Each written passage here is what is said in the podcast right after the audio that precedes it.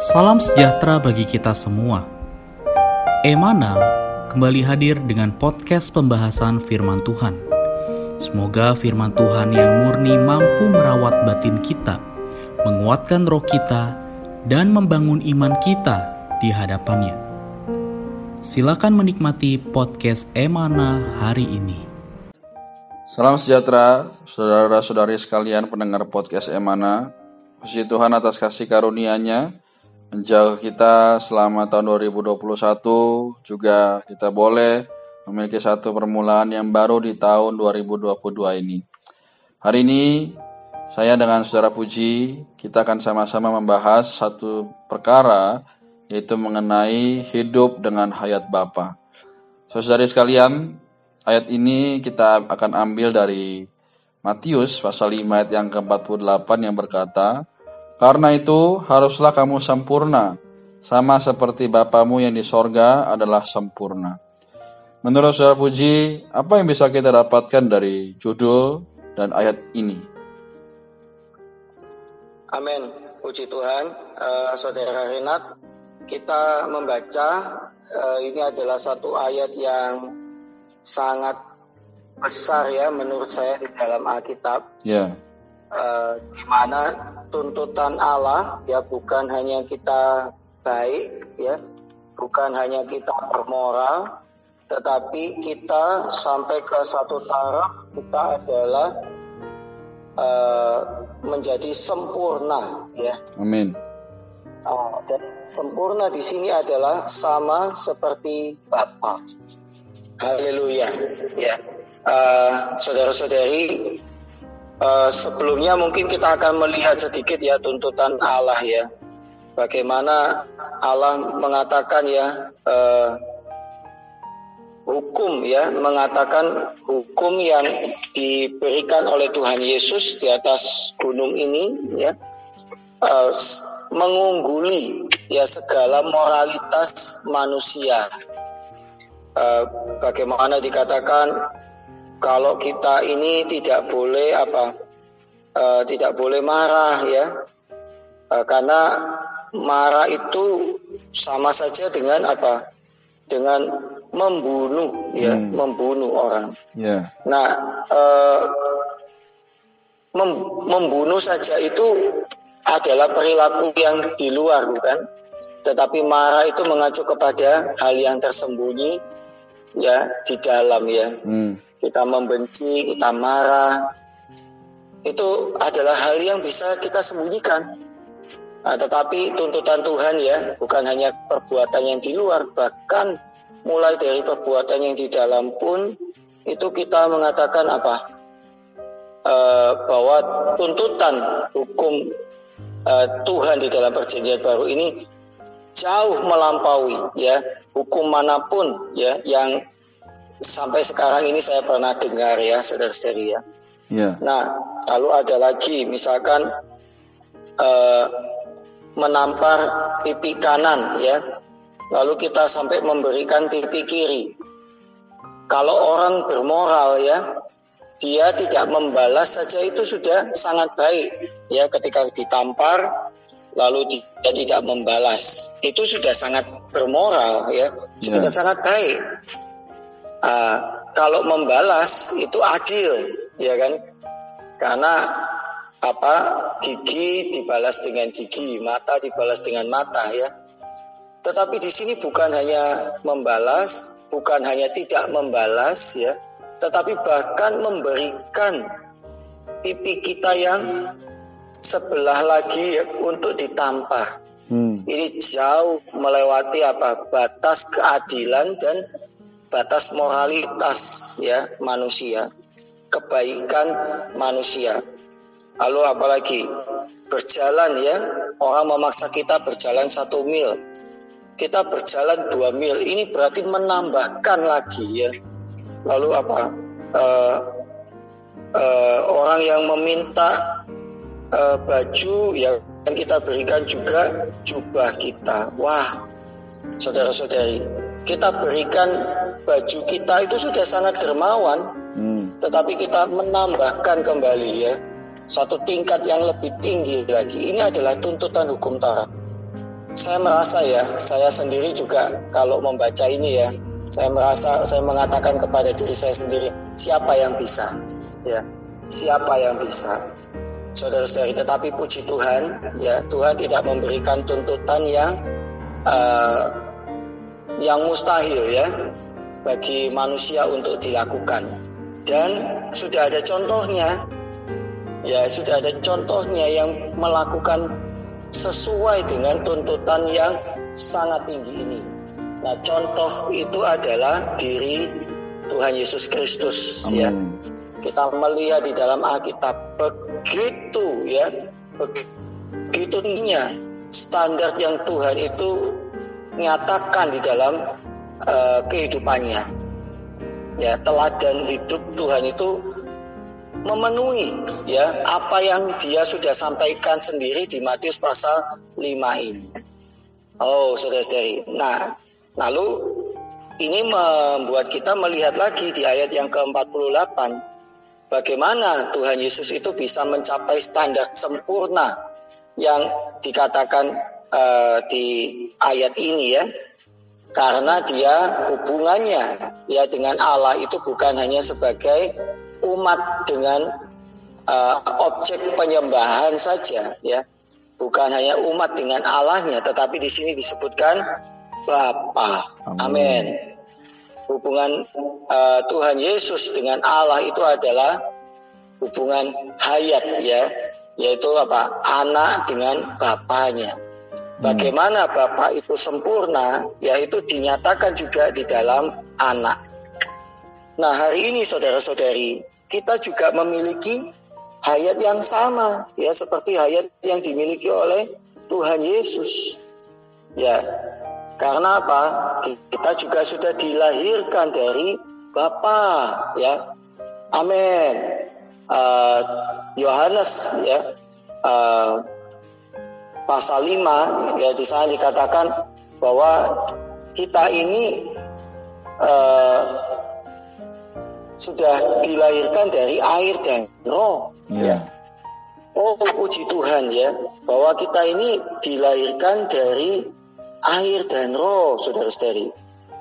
Amin. Uh, di sana dikatakan, oh, maaf saya meralat ya Yohanes 3 ayat 5 ya.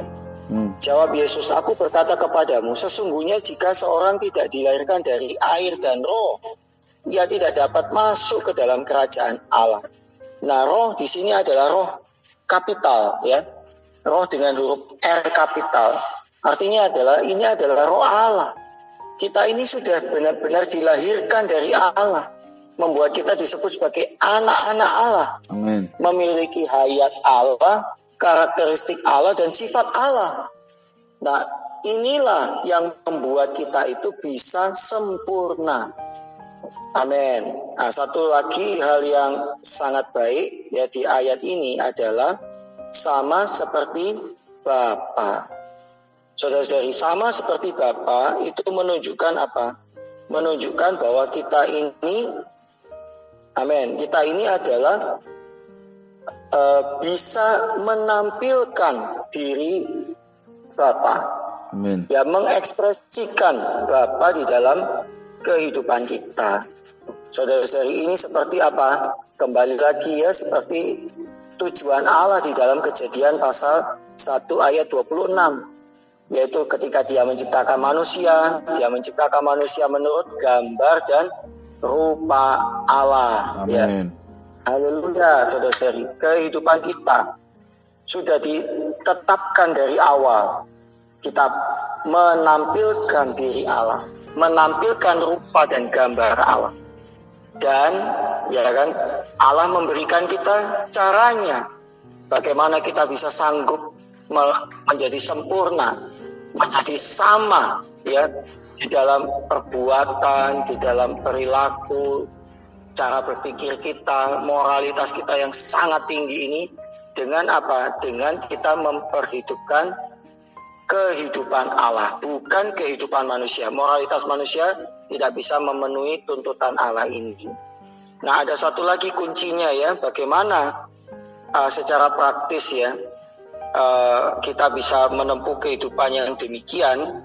di amin di kitab Roma ya saudara-saudari di kitab Roma pasal 8 di sana dikatakan bahwa uh, tuntutan hukum Taurat ini digenapi ya melalui kita hidup amin melalui kita hidup di dalam uh, roh saudara-saudari amin.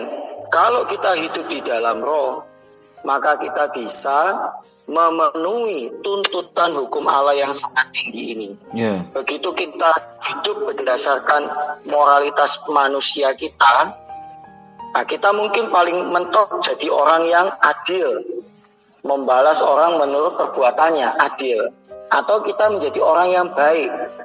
Ya kan, ketika kita diberikan uh, satu perilaku yang jahat, kita menahan diri, kita tidak membalas. Yaitu hanya apa? sekedar menjadi manusia yang baik.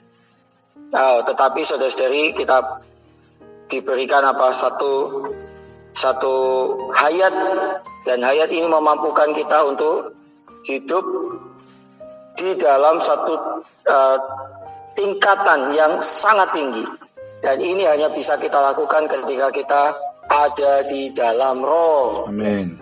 Kita dilahirkan oleh roh di dalam Yohanes pasal 3 ayat 5 sehari-harinya kita di dalam hidup kita juga harus hidup di dalam roh.